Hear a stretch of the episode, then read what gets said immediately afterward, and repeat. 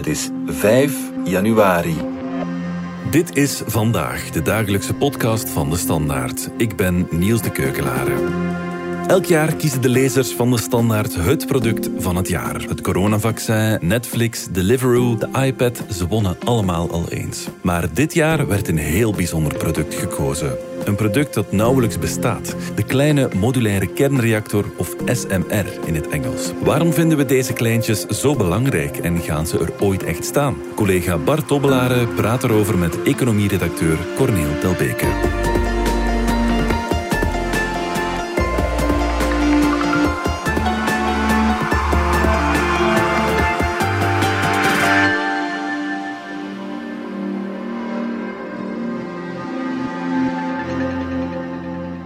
Today, we also want this expertise to contribute to a new generation of nuclear energy. Safer than today, with less waste than today, and based on lead cooling. And that is, I believe, our way forward. Smaller, safer, and less wasteful reactors. Dag Corneel, we dachten laat ons eens beginnen met de premier die in mei al zijn geloof uitsprak in die kleine modulaire kerncentrales. En ik denk dat hij dus ook wel voor dit product zou gekozen hebben als product van het jaar. Maar het is toch een beetje een rare keuze van onze lezer geweest, nee? Wel, vooral omdat uh, het product eigenlijk nog nauwelijks bestaat laat staan op grote schaal uh, beschikbaar is. Van die kleine centrales uh, zijn er eigenlijk volgens het Internationaal Energieagentschap zijn er al drie die werken. En een daarvan is uh, in Rusland, uh, die een drijvende centrale heeft, een, een, kleine reactor op een boot, die ze kunnen aankoppelen uh, aan het stroomnet op afgelegen plaatsen. Ja, ja. Maar voor de rest zijn het eigenlijk vooral reactoren die in ontwikkeling zijn. Ja, men noemt het een beetje grappend de PowerPoint-reactoren, hè? De PowerPoint-reactoren inderdaad, omdat ze vooral op papier bestaan. maar goed, blijkbaar wordt er wel heel hard naar uitgekeken, ook door onze lezers. Ja, absoluut. Ja. Het was verrassend, vond ik zelf, dat het als product van het jaar is gekozen, omdat het inderdaad nog niet bestaat. Terwijl de gravelbike uh, was dan de runner-up. Die wordt ook, ook heel uh, breed gebruikt. Maar uh, we zitten natuurlijk midden in een energiecrisis. Dus ik denk ja. dat veel mensen hun hoop zetten op zo'n nieuwe generatie kleine reactoren. Om, en, en, om dan zeker af te raken van die fossiele brandstoffen ook. Hè. Ja. De, de, geesten zijn heel snel veranderd. Uh, dat is waar. En die energiecrisis en die klimaatcrisis hebben daar natuurlijk alles mee te maken. Hè. Uh, kernenergie is lange tijd vrij negatief in het nieuws gekomen. En nu lijken heel veel mensen plotseling bekeerd. Want nu komen we natuurlijk op de essentie waar we het willen over hebben. Hè. Wat maakt die kleine kernreactoren zo beloftevol? Maar misschien moet je toch eerst eens even zeggen wat het dan is, hè, die small modular reactors. Ja, ten eerste zijn ze een pak kleiner dan de huidige generatie. Laten we zeggen dat dus de nieuwste uh, kernreactoren hier in uh, België, dan spreken we over uh, Doel en Tihange, die centrales, dat daar de grootste reactoren een elektrisch vermogen hebben van een 1000 megawatt. Ja.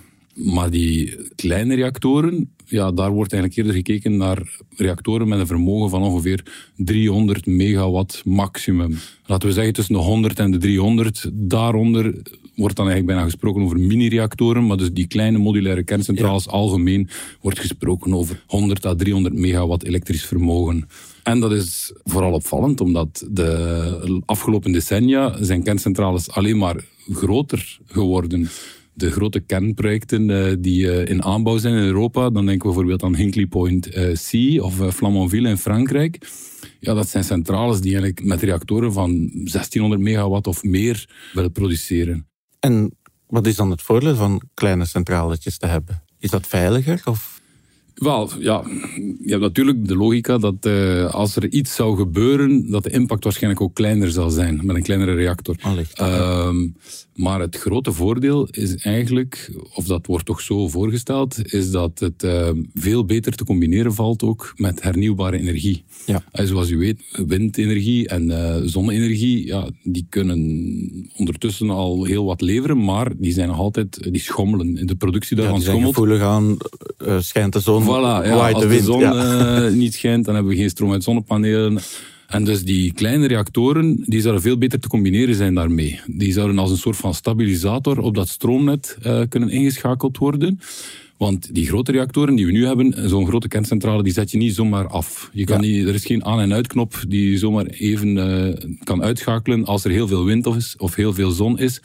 Maar met die kleinere reactoren, ja, die kan je meer verspreiden op het stroomnet. En die kan je dan ook wel makkelijker op- en afzetten. Ja, waar eigenlijk nu gekeken wordt naar gascentrales om zo snel te kunnen ja. elektriciteit bijproduceren als we het lastig hebben. Voilà. Wel, kernenergie, de, de, de, grote centrales, ja, die hebben nu gemiddeld de afgelopen decennia bij ons uh, ongeveer de helft van de stroomproductie gerealiseerd. En dat is een soort van basis die zij vormen op het stroomnet. Dat wordt dan aangevuld met andere energiebronnen. En als er dan bijvoorbeeld tekort is aan wind of aan uh, zon, ja, dan worden er nu gascentrales uh, die heel snel op te starten zijn ja, om ja. dat net te stabiliseren en de vraag aan te kunnen. En in de toekomst zouden we dan eerder gaan kijken naar veel meer wind en zon. En in combinatie dan met zo'n stabilisator als kernenergie. Want die gascentrales, ja, die stoten natuurlijk nog CO2 voilà, uit. En dat is het grote voordeel En dat van. is het grote voordeel aan die kerncentrales. Ja, die zijn koolstofneutraal. Hè. Die, die stoten geen CO2 uit. Dat is een, een heel klimaatvriendelijke technologie. En het argument is dan waar vroeger kerncentrales in de weg zaten van groene stroom, zouden ze nu. Ja, doordat ze zo'n grote baseload en dat ze niet zo makkelijk uit te schakelen waren, maakte eigenlijk dat op momenten dat de wind- en zonne-energie piekten, dat je soms ja, installaties moet stilleggen omdat er al te veel kernenergie op het net was en het net zou overbelast raken. Je hebt een veel ja, flexibeler uh, stroomnet nodig eigenlijk in de toekomst om die hernieuwbare energiebronnen op te starten. En kernenergie is heel goed geweest de afgelopen decennia in een, een goede basis en veel stroom te voorzien. Maar niet, niet zo in het uh, opvangen van fluctuaties. Oké, okay, ik begin goed te snappen waarom we zo uitkijken naar die reactoren. Ze halen ons uit de energiecrisis en ze halen ons uit de klimaatcrisis. Maar ze hebben natuurlijk dat probleem, en we kaarten het al even aan, er zijn er nog geen, of, of nauwelijks. Ja, en, en dat maakt ook dat ze ons niet uit de energiecrisis zullen halen. Oh, nee, uh, nee, nee, dat klopt. Want we kunnen ze niet op korte termijn uh, plotseling bouwen. Maar de klimaatcrisis natuurlijk, ja, iedereen kijkt naar 2050 en zelf al zouden ze niet gebouwd worden voor 2040, die nieuwe reactoren, ja, we zullen ook na 2050 nog altijd stroom nodig hebben en we zullen ook nog altijd energie nodig hebben. En het voordeel aan die kerncentrales is dat ze niet alleen kunnen helpen om het stroomnet, dus de elektriciteit, om, om dat te vergroenen, maar op termijn zouden ze ook ingeschakeld kunnen worden, zeker de nieuwe generatie, om ook andere vormen van energie te vervangen die nu gebruikt worden in de industrie. Want we kunnen niet alles elektrificeren in de toekomst.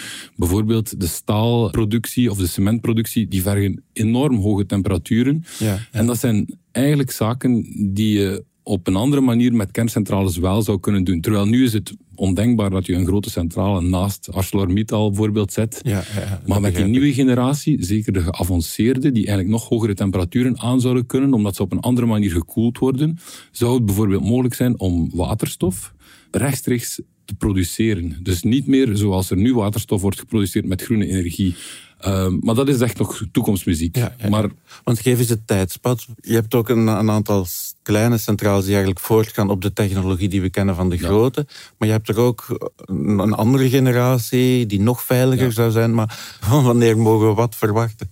Ja, dat is het moeilijke met die uh, SMR's. Ja, het is een containerbegrip die zoveel verschillende types omvatten. Ze hebben enkele gemeenschappelijke kenmerken, zoals inderdaad dat ze kleiner zijn of relatief kleiner zijn. Maar dat is een containerbegrip die zoveel technologieën bevat. En je hebt de modellen die nu on, in ontwikkeling zijn, en die er ook, de meeste staan er nog altijd niet, zijn eigenlijk nog altijd gebaseerd op de huidige technologie. Ja, dus ja. een centrale die met water gekoeld wordt. Terwijl, Die zouden we misschien mogen verwachten op het einde van dit decennium. ja, zeker in Amerika wordt daar nu naar gekeken. En ook ja, in China willen ze nog sneller gaan. Ja. Ehm, het valt nog te bezien of ze inderdaad die deadlines halen. Maar eh, dat zijn dus inderdaad reactoren die gebaseerd zijn op de huidige technologie, waarvoor dat de vergunningen ook sneller uitgedeeld kunnen worden, waar we meer kennis over hebben, meer ervaring mee. Dus ja, dit kan sneller gaan afhankelijk van ja, hoeveel investeringen worden daar ook in gedaan natuurlijk. Ja, ja. Die nieuwe generatie, dat is iets moeilijker. Dan wordt er gekeken naar bijvoorbeeld helium of lood om die centrales te koelen. Wat een pak veiliger zou zijn. Maar dat zijn nog ja, experimentele technologieën. Hè? En het, ehm, het SCK hier, dat het Studiecentrum voor Kernenergie in België, is bijvoorbeeld met onderzoek bezig naar een loodgekoelde reactor. Zij zelf denken niet een demonstratiemodel te kunnen realiseren voor 2040. Ja. Maar dat is dus echt een geavanceerde reactor die ook heel wat problemen van de huidige generatie, zoals het radioactief afval, uh, kan oplossen. Want ja, als je dezelfde technologie gebruikt, we weten ook wel, er is ook wel een reden waarom het kernenergie een beetje in de verdrukking is gekomen. Maar ik merk, uh, er is veel geloof in, er, is, er zijn verschillende investeerders die er geld in steken. Macron, Biden, destijds Boris Johnson, ze zijn ook allemaal fan. Ja. En dan denk ik, waarom gaat dat zo traag? Waarom staan ze er dan nog niet? Ja, de vergunningen zijn ook alleen maar strenger geworden. Hè. Ehm, dus het is veel moeilijker geworden om nieuwe centrales te bouwen dan in de jaren 70, 80. Ik sprak bijvoorbeeld met uh, Hamid uh, Ait uh, Abdirahim van het SCK en van het MIRA-project in Mol. Hij is reactorfysicus en hij zei ook, ja, de afgelopen jaren was de sfeer wel relatief bedrukt. En hij denkt, ja, als dat geloof er komt, kan het ook plotseling weer veel sneller gaan. Er is een heel andere manier van werken aan een nieuwe technologie. Als iedereen er heel negatief over is, of de publieke opinie er heel negatief over is, Terwijl als nu de geesten keren ja. en iedereen heel enthousiast is, kan het dan ja. toch wel sneller gaan. Dus ja, hij verwijst dan naar begin jaren 70, toen de oliecrisis hier was. Ja, die reactoren waren toen al gepland, maar plotseling is het ook heel snel gegaan. Hè. We hebben hier zeven reactoren gebouwd uh, in Ja. België in een tien jaar. Als de politieke wil er is, ja, dan kan het wel snel gaan natuurlijk. En als het geld er is. Er is ook, we gaan er even naar luisteren, een opvallende speler in dit uh, verhaal. At Rolls Royce, we have the answer. The Rolls Royce SMR is a low cost, clean energy solution. Ook Rolls-Royce gaat uh, dergelijke reactoren bouwen. Ja, ze hebben onlangs een paar sites uh, geselecteerd, uh, dacht ik, in het Verenigd Koninkrijk, waar ze zo'n reactor kunnen neerzetten. Het gaat over reactoren van een 470 megawatt, dus al iets grotere kleine reactoren. Dat, dat komt eigenlijk overeen met de capaciteit, of het vermogen, excuseer, van onze oudste centrales hier in België. Maar Rolls-Royce is een speler die eigenlijk al ervaring heeft met kerntechnologie. Die maken bijvoorbeeld reactoren voor in duikboten. Um, Oké, okay, ik dacht auto's, maar goed. ja, die maken ook auto's, maar dat is een ander bedrijf, een afsplitsing ervan. Um, en vliegtuigmotoren natuurlijk ook. Ja, ja, dat is waar. Maar ja, voor privéspelers opvallend. Uh, ik, ik, sprak met iemand van Tractebel, dat is het ingenieursbureau van Engie. En hij vertelde dat eigenlijk die kleine reactoren ook een veel betere business case hebben voor privé-investeerders dan die grote reactoren. Want we hebben de afgelopen decennia hebben we een paar grote projecten gehad, zoals Hinkley Point C, um, Flamanville, um, dan nog een Finse centrale. Die hebben echt jarenlang vertraging opgelopen. De budgetten zijn daar geëxplodeerd. Er zijn ja. miljarden bijgekomen. Terwijl nu, ja, als je nu zo'n centrale zou ongeveer volgens Tractebel op een miljard komen als investering, dat zijn behapbare bedragen voor grote bedrijven. Ja, ja. Maar als je 10 miljard moet investeren in een grote centrale, ja, dan wordt het al veel moeilijker. Bovendien, en daar hebben we het eigenlijk niet over gehad, dat aspect van die modular. Hè? De bedoeling is een beetje, als we er eentje bouwen, dat we er snel een tweede, een derde, een vierde, een vijfde, ja. dat het bijna bandwerk wordt om centrales te bouwen. Ja, ja dat is inderdaad de belofte. Um, dat dus met ge, bijna prefab uh, modules wordt gebouwd. En doordat er serieel wordt geproduceerd, zouden ze goedkoper kunnen produceren. Eigenlijk ja, bijna een beetje het IKEA-model om het uh, voor de kernreactor vulgair ja. te zeggen. Um, want dat is opvallend ook, want de afgelopen decennia, het feit dat ze steeds grotere centrales zijn beginnen bouwen, was juist omwille van economische redenen. Ja, Als je dan toch een investering doet, dan kan je maar zoveel mogelijk energie eruit halen. En nu wordt dat een beetje omgedraaid en zeggen ze, ja, misschien is niet... Dan is nu vooral de hoeveelheid die het goedkoper mag maken. En, en de vraag is natuurlijk, ja, in hoeverre gaat dat businessmodel op, hè? Is het zo'n verschil als je er zes bouwt of uh, tien bouwt? Het, het, moet nog bewezen worden ook. En uh, ik las iemand die opmerkte dat er bijvoorbeeld op dat moment dan best wel een Europese aanpak is. Want het Ja. schaalvoordeel die je haalt uit vijf centrales bouwen of tien centrales bouwen, Is is, misschien beperkt. ja. Maar als je er dan over heel Europa 100 of 200 bouwt, is het wel aantrekkelijker. Ja, ja, ja. Ehm, ja, het valt nog te bezien. Toch één vraag nog over het veiligheidsaspect. We zijn wel bekommerd ook voor terroristische aanval op kerncentrales. Gelukkig zijn er in België niet al te veel. Maar als we er nu 20, 30 van die kleintjes gaan verspreiden in het land, lijkt me toch ook niet zo veilig. Ja, nee. eh, Het is inderdaad, eh, de kernindustrie verkoopt het als veiligere centrale. En dat is deels ook waar, omdat je, dus de meeste van die centrales gaan met passieve koeling werken. Dus eh, dat wil zeggen, als er op een bepaald moment een stroompannen is, of als er een tsunami is, zoals in Fukushima, ja, dat die noodgeneratoren niet kunnen uitvallen. En je krijgt een, een oneindige cyclus van koeling, Ja. die dus automatisch gebeurt. Maar dan nog is het ook de vraag of dat iedereen dat zo zal percipiëren. Nee, eh, er is wel enthousiasme bij het publiek nu voor kernenergie, maar als er plotseling 30 centrales worden gezet in België in de plaats van 7, Waar ga je die zetten zonder die zetten? Ja, we krijgen op dit moment al geen windmolens gezet. We krijgen geen hoogspanningslijnen gelegd. Dus ja, het is maar de vraag of dat, dat effectief eh, zo aanvaardbaar zal zijn. En of al die vergunningen daarvoor in orde komen. Zeker in ons land. En eh, bijvoorbeeld de oorlog in Oekraïne maakt ook duidelijk dat die kerncentrales heel kwetsbaar zijn voor oorlogssituatie. Uh, er zijn critici van, ja, je gaat het risico alleen maar verspreiden als je zoveel meer ja, centrales zet. We zijn hier nu praten over het product van het jaar en we zijn relatief enthousiast, maar er hangen nog veel vraagtekens de grond. Dat blijft toch wel... Ja, ja, ja, het is ook de vraag of dat ze tegen de ontwikkelingsfase niet achterhaald worden. Hè. Um, ja, ja. Er is een heel snelle groei van uh, hernieuwbare energiebronnen ook. Batterijtechnologie verbetert. Er zijn verschillende scenario's ook waarin dat blijkt dat we ook zonder centrales zouden kunnen. Ja, ja. Maar daartegenover staat dat Energyville, een onderzoeksgroep, uh, die verbonden is aan onder andere de KU Leuven, die hebben wel berekend dat het goedkoopste model om voor ons land om klimaatneutraal te worden tegen 2050 ja. gaat wel via onder andere de bouw van die ja. uh, kleine kerncentrales. Wind, maar... Maar dat is natuurlijk niet de enige weg. Nee, nee, en dus ja, als er andere doorbraken zouden gerealiseerd worden, kan dat natuurlijk maken dat... dat we die... volgend jaar een ander product van het jaar voorstellen.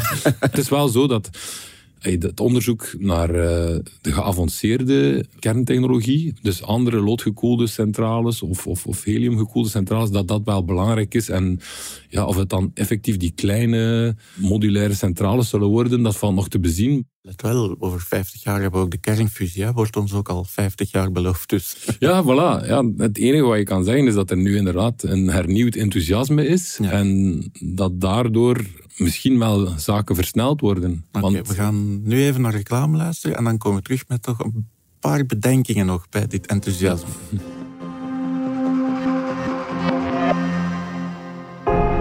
technologische innovaties en interessante condities bij Mercedes-Benz zetten je rijervaring werkelijk op zijn kop. Kom in januari langs bij Hedin Automotive en ontdek de vele ingenieuze luxe, veiligheids- en comfortpakketten op een breed gamma aan toonzaalmodellen. Of ervaar het gewoon zelf tijdens een uitgebreide proefrit. Ontdek onze voorraad aan stokmodellen op hedinautomotive.be of kom langs in een van onze 20 showrooms.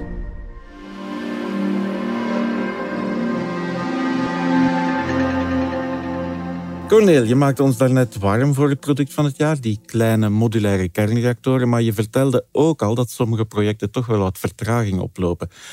En dat komt ook door de oorlog van Rusland tegen Oekraïne. Vooral de Amerikaanse ontwikkelaars, daar, daar heb je een paar grote ontwikkelaars die relatief ver staan. Newscale is uh, misschien wel de, de, de, bekendste. Maar je hebt ook uh, TerraPower, wat een bedrijf is dat gesteund wordt door Bill Gates. Hij is daar voorzitter. En zij hadden altijd voor ogen om zo'n eerste demonstratiemodel tegen eind jaren 20 uh, te laten draaien. Maar die hebben nu onlangs aangekondigd van ja, we zullen toch wel vertraging hebben. En uh, vreemd genoeg, uh, of niet vreemd genoeg, is dat door de aanvoer van uranium dat ze nodig hebben. En het is zo, een klassieke kerncentrale draait dus inderdaad op uranium, of heeft uranium nodig. En dat uranium ja. is, oh, is, is, vrij breed te vinden, heeft verschillende aanvoerlijnen. Maar die kleinere centrales, die hebben een hoger verrijkt uranium nodig om mm -hmm. dus toch de nodige energie met een kleinere reactor uh, te kunnen opwekken. En dat wordt op dit moment commercieel alleen eh, verwerkt door een Russisch bedrijf, een overheidsbedrijf dan nog. En dat maakt het heel moeilijk om dat uranium op dit moment te Ja, pakken te dan krijgen. zijn we weer Ja. afhankelijk van Rusland en dat willen we niet graag. Voilà. Eh, toen Macron zei dat hij weer wilde investeren in kernenergie, dan zei hij, ja, dat is onze eigen energie en eh, we worden daar weer mee soeverein.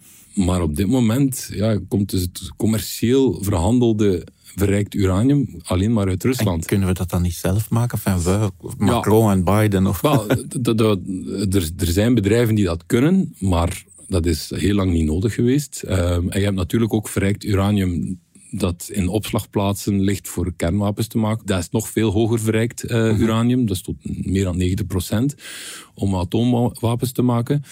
En dat zou eigenlijk wel kunnen gebruikt worden als dat verwerkt wordt eh, en, en weer lager verrijkt is. Maar dat zijn overheidssupplies. En dus in Amerika zijn ze aan het kijken of ze effectief een deel van dat uranium, van die strategische stok, kunnen gebruiken om die kleine kerncentrales van energiebron te voorzien. Wij kunnen niet zomaar een fabriek opstarten om Nee, nee, nee. uranium te verrijken. Nee, die, die, die regels zijn, eh, zijn heel streng. Hè. En dus, wij, wij hebben de kennis wel om dat te doen, maar er zijn gewoon geen commerciële spelers op dit moment. Eh, Heeft dat ook te maken met het feit dat ja, uranium, je zei het al, ook gebruikt wordt voor kernwapens? Dat niet iedereen zomaar Ja. mag... Voilà, inderdaad. Ja, dat, is, dat is heel gevoelig natuurlijk, eh, om begrijpelijke redenen. Maar dus ja, op dit moment eh, zitten we vast aan dat ene Russische bedrijf. ehm, en daardoor, zei Bill Gates onlangs nog, eh, zal zijn project eh, toch wat vertraging. oplopen. Ja, ja.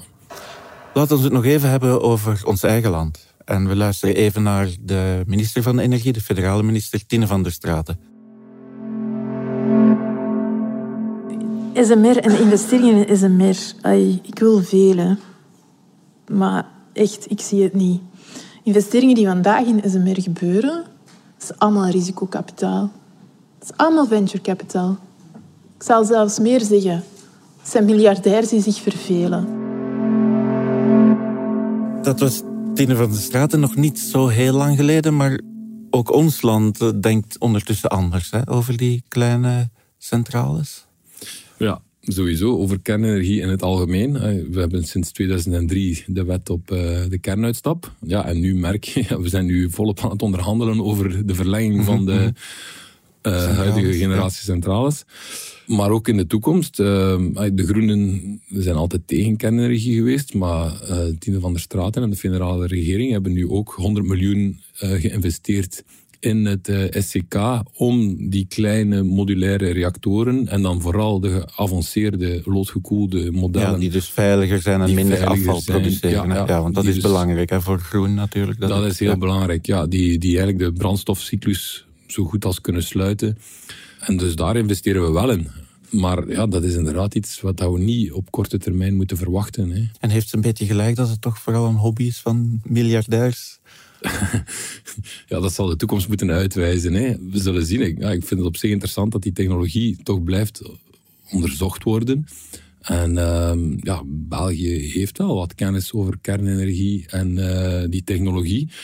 Dus ik zou dat niet zomaar aan de kant schuiven in ieder geval. Onderzoek blijft onderzoek en we moeten zien wat eruit komt. Hè. Ja. En in elk geval ook de verkiezing van product van het jaar bewijst dat inderdaad kernenergie geen vies woord meer is. Hè? Nee, nee, nee, de geesten zijn echt... Ja, zeker in de ontwikkelde economieën eh, merkte het eh, Internationaal Energieagentschap op.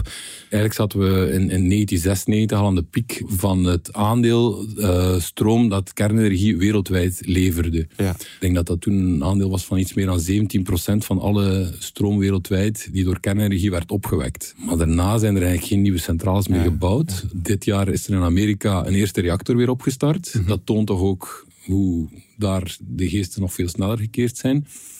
En ja, we zitten nu voor het eerst, of sinds vorig jaar zitten we zelf voor het eerst in een aandeel dat minder dan 10% is.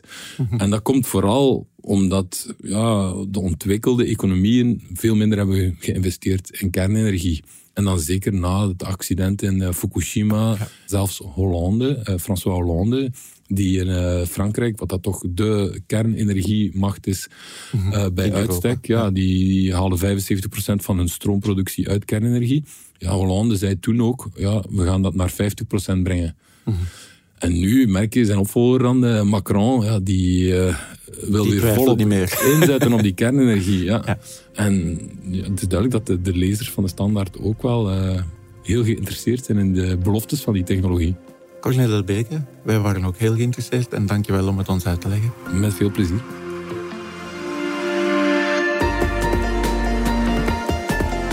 Dit was vandaag de dagelijkse podcast van de Standaard.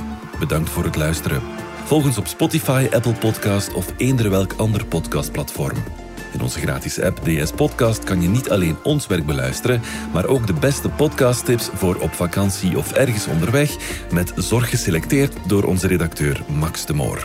Alle credits van de podcast die je net hoorde vind je op standaard.be-podcast. Reageren kan via podcast.standaard.be. Morgen zijn we opnieuw.